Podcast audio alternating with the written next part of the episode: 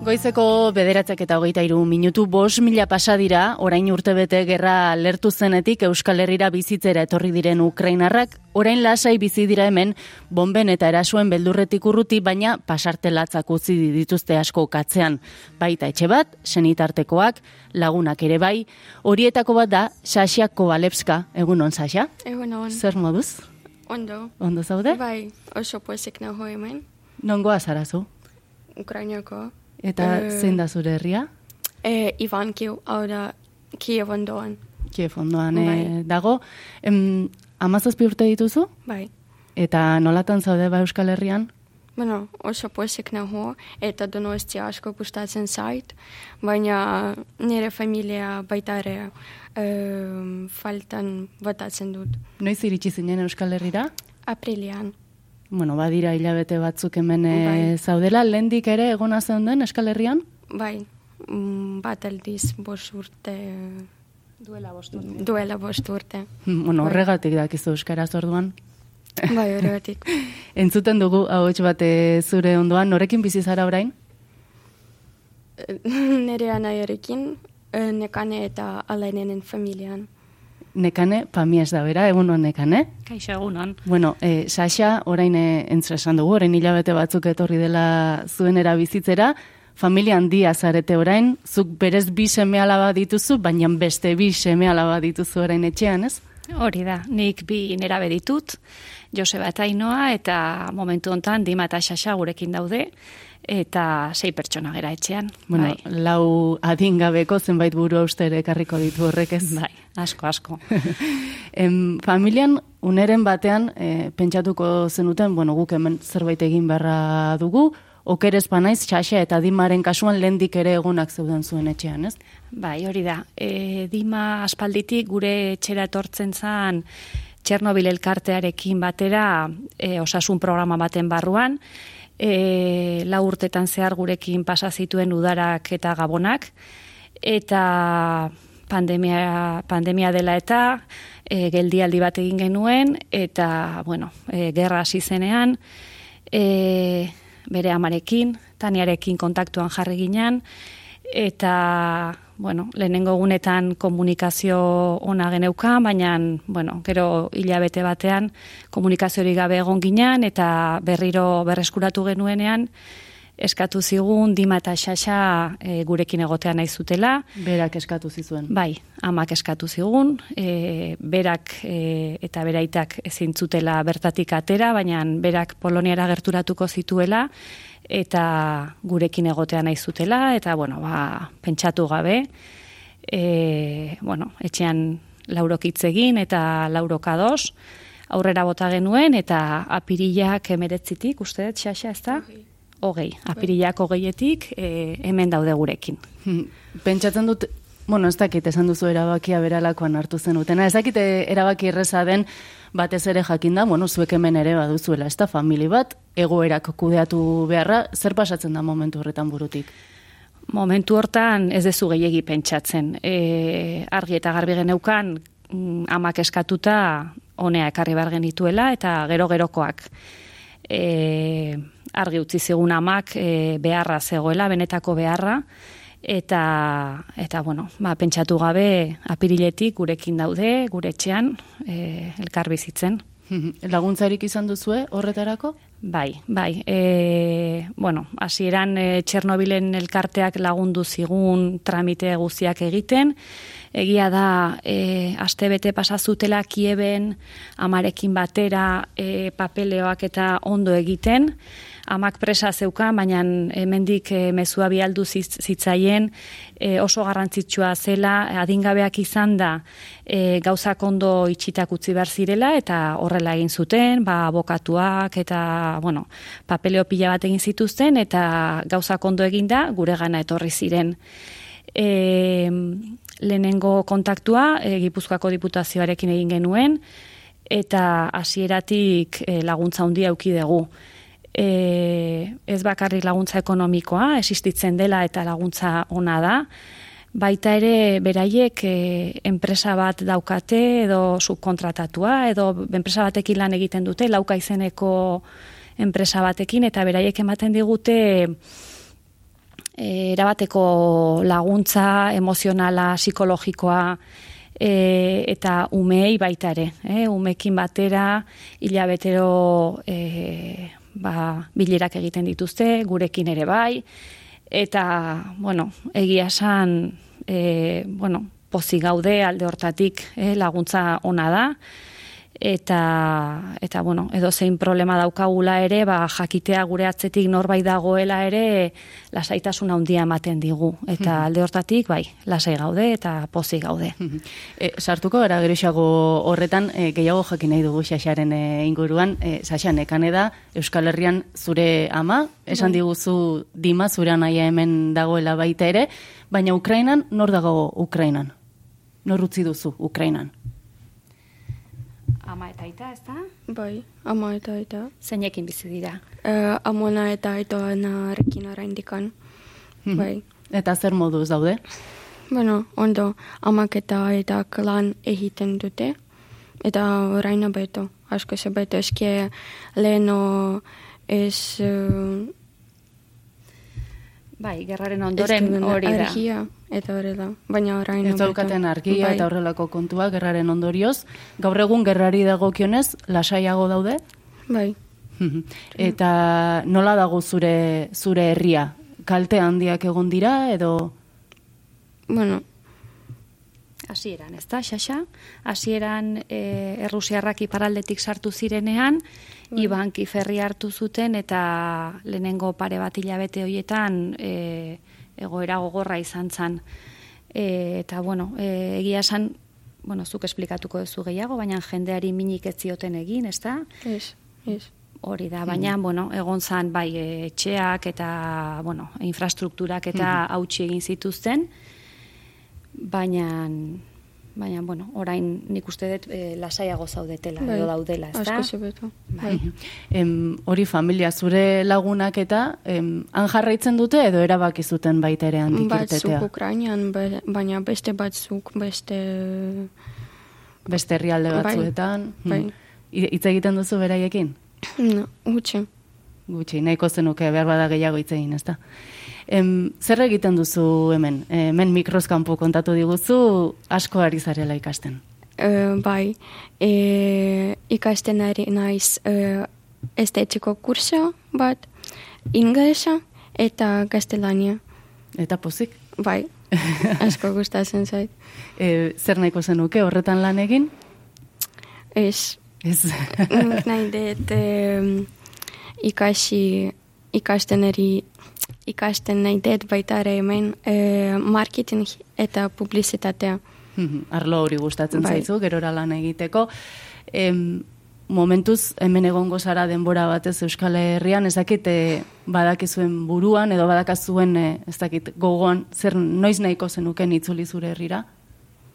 E, nik nahi dut gertatu hemen, baina gera bukatzean nahi dut uh, voltatu etxera etxera mhm. eta pasatzera uh, denbora familiarekin. Mhm. e, hemen baduzu kontakturik e, ukrenarrak diren jendearekin? Bai. Eta hitz egiten duzu beraiekin? Bai, ni daukat hemen lagunak. Mhm. Asko. Bueno, saretxo bat osatu duzu orduan ez da, elkarrekin egoteko? Bai, bai, berri da. E, nekane horrelako kudeaketak ez lentxeago zenion e, aldundiaren kasuan, ez lauka sistema horren e, bitartez edo jasotzen duzuela laguntza hori, nola kudeatzen da hori? Hori guztia? E... Barkatu nola kudeatzen da zer... E, zer Emo, batez ere emozionalki dio, emozionalki. bat bueno, ba, egia esan e, familian ondo gaude, laurok ondo gaude, sondo gaude, eta lauron artean ondo, ondo eramaten gera, eta eta beraiek gauzak e, nahiko errez jarri dizkigute.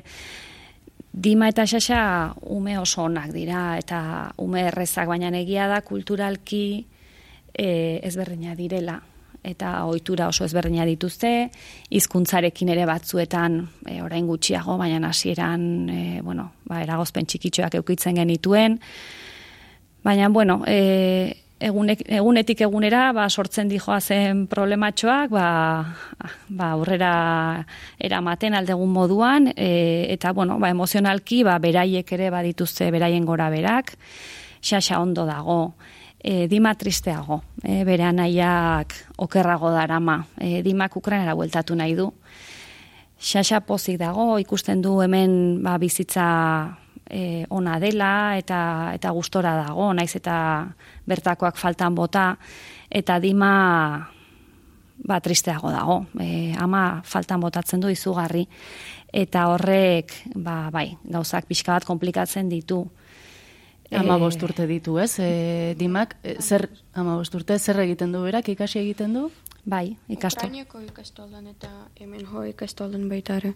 Ukrainako ikastolan Bai, eh, online. online jarraitzen Bai. ditu klaseak, eta hemen ere bai egiten du horrelako bien Bai. arteko zegat. Bai, Santo Tomas Lizeora dijoa, eta bertan astebete e, klaseak e, jasotzen ditu, eta gero beste astebete, e, bueno, e, gelatxo bat e, ipintzen diote, eta bertan online klaseak egiten ditu. Ukraniatik eta bueno, helburua da e, Ukrainiako sistema jarraitu dezala, e, berarentzako erresagoa da eta guri ona iruditzen zaigu. E, hori ez galtzea eta Bai, izan ere horrek ere ekarriko ditu, ez? Momenturen batean etxera itzultzen direnean, bere ikasketa prozesuetan e, jarrai, jarraitu beharko dute bertan ere, ez? Beraz, alde horretatik positibo izango da, ez? Jarraitzea Noski. kontaktu hori. bai, bai, noski. Beraien egoera legalari edo dagokenez zekako txartean, zein egoeratan aurkitzen dira? Asilo eskatzaile dira edo... E, ez, bueno, beraiek e, gugarrera familia bat gera, eta, bueno, e, bi urtetarako paperak dituzte, e, hemen, e, bueno, e, legalki egoteko aukera dute, eta beraien niea edo e, dute, eta, ez, e, bueno, ez dakit oso ondo... Bai, arrero familiaren Bai. bai. babes horren e, Hori pean. da, hori da. E, ulertzen dudanagatik kontaktua baduzue bere gurasoekin edo harreman hori mantentzen duzu eta pentsatzen du garrantzitsua izango dela gainera, ez? Bai, beraien, bueno, xaxa kontatuko du, baina egunero hitz egiten dute amarekin, eh? Bai. Amarekin, aitarekin ere astean behin edo bitan, noizean behin aiton amonarekin, eta bai, bai, bai, erlazio handia da, egia esan teknologiak eh, bere gauza honak ere baditu, Horapur bat eh, irudikatzeko en, hilabete hauetan pasatakoa eta hasierara joanez esan duzu amapres zegoela e, Xaxa eta Dima Poloniara eramateko edo, bueno, nola iritsi ziren e, Euskal Herrira, zin izan zen bidea. Pentsatzen dugu oso, bueno, testu inguru eta egun zaietan, apirilean, iazko apirilean. Bai, e, bueno, hori da, e, Iban Kifetik e, atera ziren eta Kieben egun batzuk pasa zituzten paperak egiten, xaxa, zenbat bat. egun? Aste bat, hori da, aste bat gutxi gora bera paperak egiten, eta gero e, Poloniara gerturatu ziren, e, bueno, e, Txernobilen elkarteak e, organizatu zigun e, autobus bat, eta ba hori, Ukrainiako ume desente eta amaren bat ere bazetorren autobus hortan. Orduan Polonian, Katowice herrian, egon ziren pare bat egun amarekin, Claro, beraiek eh, adingabeak dira eta eta bakarrik bidaiatzea ez da batere erresa, orduan botereak egin zituzten, ba autobusean zijoan beste helduren bati emateko eta gero bertatik guri, osea, Donostira iritsi eta botere horiek eh, guri emateko, ez? Baina hori nahiko nahiko itxita zeukaten eta nahiko erresa egin egin genuen eta, bueno, egun gogorrak, e, informazio gutxi egun hoietan, baina, bueno, iritsi ziren, apirilako gehian, gauean oso berandu, eta, eta bueno, ba,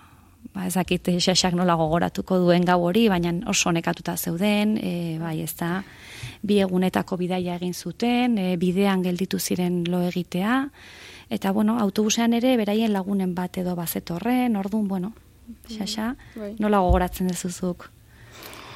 Hau da oso, oso nekatuta, eta Gogorra, ez? Bidai gogorra. Bai, oso. Bueno, izugarrizko bizipena dudarik gabe are gehiago, e, bueno, adin txikikoa gaztetxoa izan da. E, Ukrainian gertatzen ari den guztiari nola begiratzen diozue, nola jasotzen dituzue bertako berriak, e, bueno, joan da apur bat egoera edo lasaitzen edo tensatzen, e, hilabetearen arabera edo, nola jasotzen duzue hangoaren berri hemen? Bueno, xaxak e, beraiek informazio asko daukate, ze hemen Ukraniako taldetxo badaukate eta bertakoekin ere txat askotan dabiltza eta bai, ba, e, egazkin atakeak daudenean ba, informazioa jasatzen, jasotzen dute, orduan beraiek e, oso gertutik bizi dute. Guk hasieran gehiago orain momentu hontan gu ere nekatuta gaude eta guretzako zaila da egoera hau eta bueno, informazioa badaukagu eta marekin astero bi astetik behin e, eskai bidez e, mezuak eta jasotzen ditugu, baina bueno, guk egunerokoa bizi dugu, e, ba, bueno, gure seme alabak eta beraiek aldegun oberen zaintzea da gure helburu nagusiena eta eta bueno, ba, bertako egoera ba, oso gogorra iruditzen zaigu, e, ulertezina gara honetan, guztiz ulertezina, Eta bueno, baina egunetik egunera, ez dugu gehiago pentsatzen.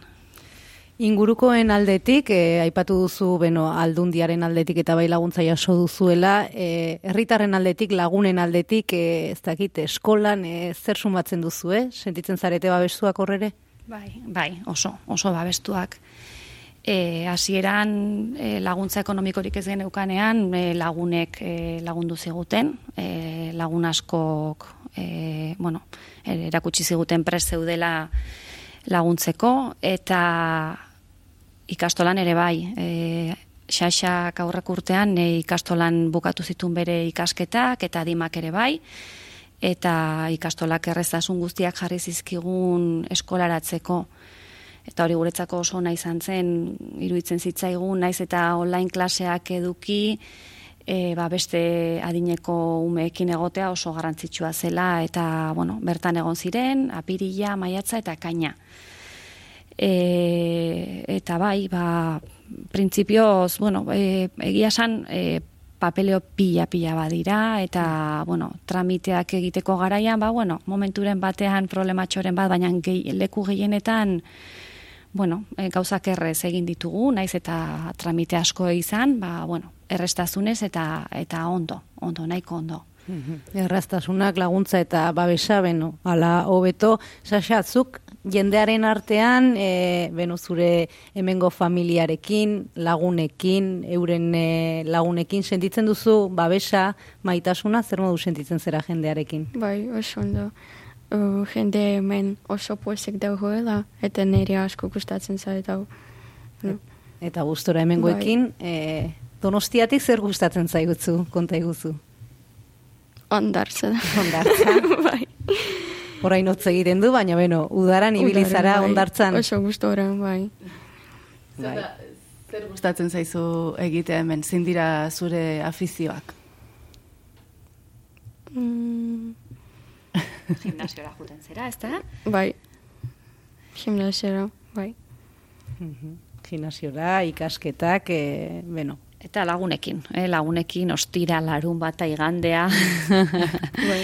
Egia esan, eh, bertan, bueno, laukak ere eh, lagundu zigun eh, elkartu egin zituen Ukraniatik etorritako gazte pila bat, eta horrek egin zuen, ba, beraien artean ezagutu eta taldetxo bat egitea, eta ezakite, amabi, amairu, bai, gutxi gora bera, zenbat lagun zerate, xaxa? Mm, amairu. Amairu lagun bai. dira, e, batzuk ibankif, ibankifekoak, ba, beste batzuk beste herrietakoak, eta pilo bat gustatzen zaie elkartzea, elkarrekin egotea, beraien hizkuntzan hitz egitea, e, noizean behin e, janaritxoren bat ere prestatzen dute soziedaderen batean, eta bueno, ba, hori ere arnasgunea izango da bere jentzako ez. Bai, nik uste du baietz, bai. Mm. Eta Euskal Herriko lagunak ere, hemen donostiako lagunak ere badituzu? Mm. Hori gehiago prestatzen da. Gutxiago, bai, bai. Gustorago sentitzen da e, mm -hmm. Ukraneako lagunekin, bai. bai. Mm -hmm. Baditu, baditu hemen lagunak eta ezagunak, baina bai, nik uste dut e, hobeto mm dagoela bereiekin, bai. Bueno, momentuz itzulerako egunik ez dago, behar bada iritsiko da horrelakoren batean, bien bitartean, zuen familian e, prest, xaxia eta dima zuekin egoteko?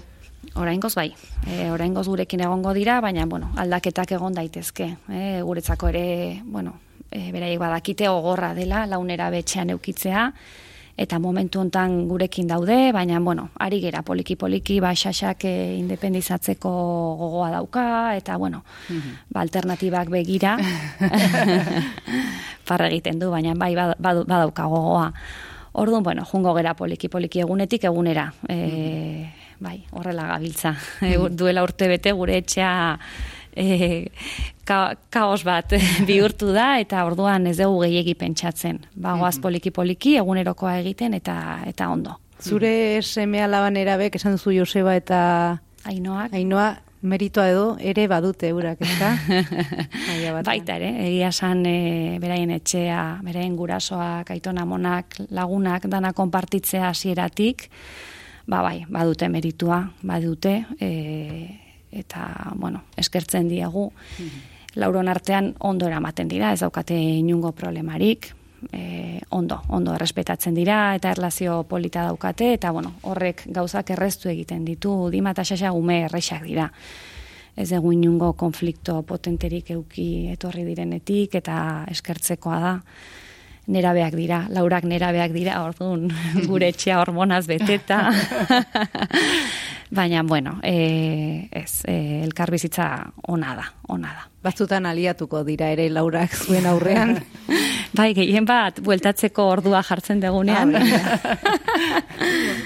Iska bat berandutzeko. Horre, denborak e, ekarriko du, e, valorazio edo sentsazio baina ezakit momentuz, irakasgairik edo eman dizu guztionek?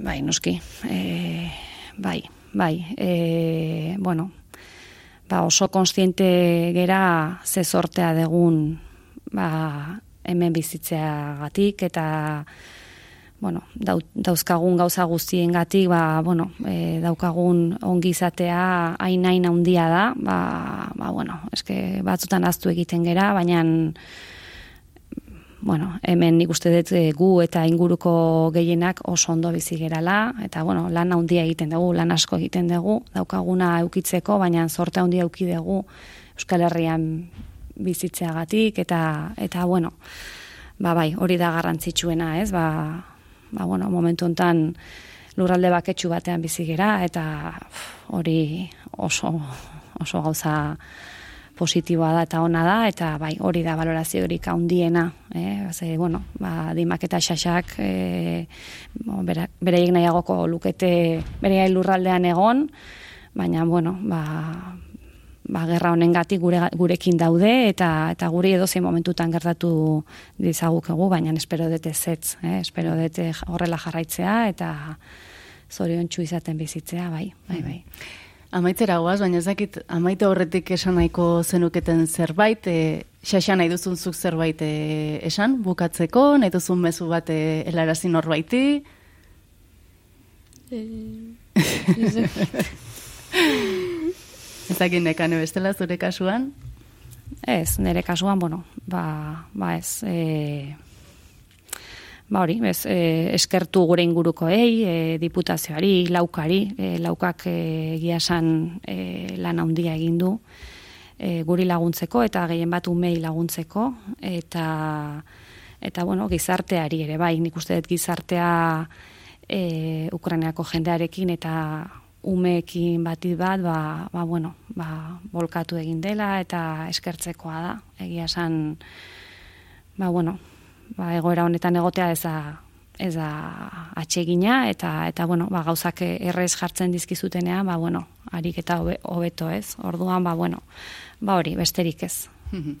ba eskertzekoa zuei e, nekane pamies zure familiari ere bai, kasu honetan gerraren okerrena sufritzen ari diren e, horien ba, etxean hartzeagatik, hartatzeagatik eta harrera on hori emateagatik. Xaxa, eskerrik asko zuri ere bai, zure historia gurera ekartzeagatik, espero dugu leister baino lehen zure etxean bueltan Ukrainan egoteko aukera izatea. Mila eskerbioi. Eskerrik asko. Eskerrik asko zuei.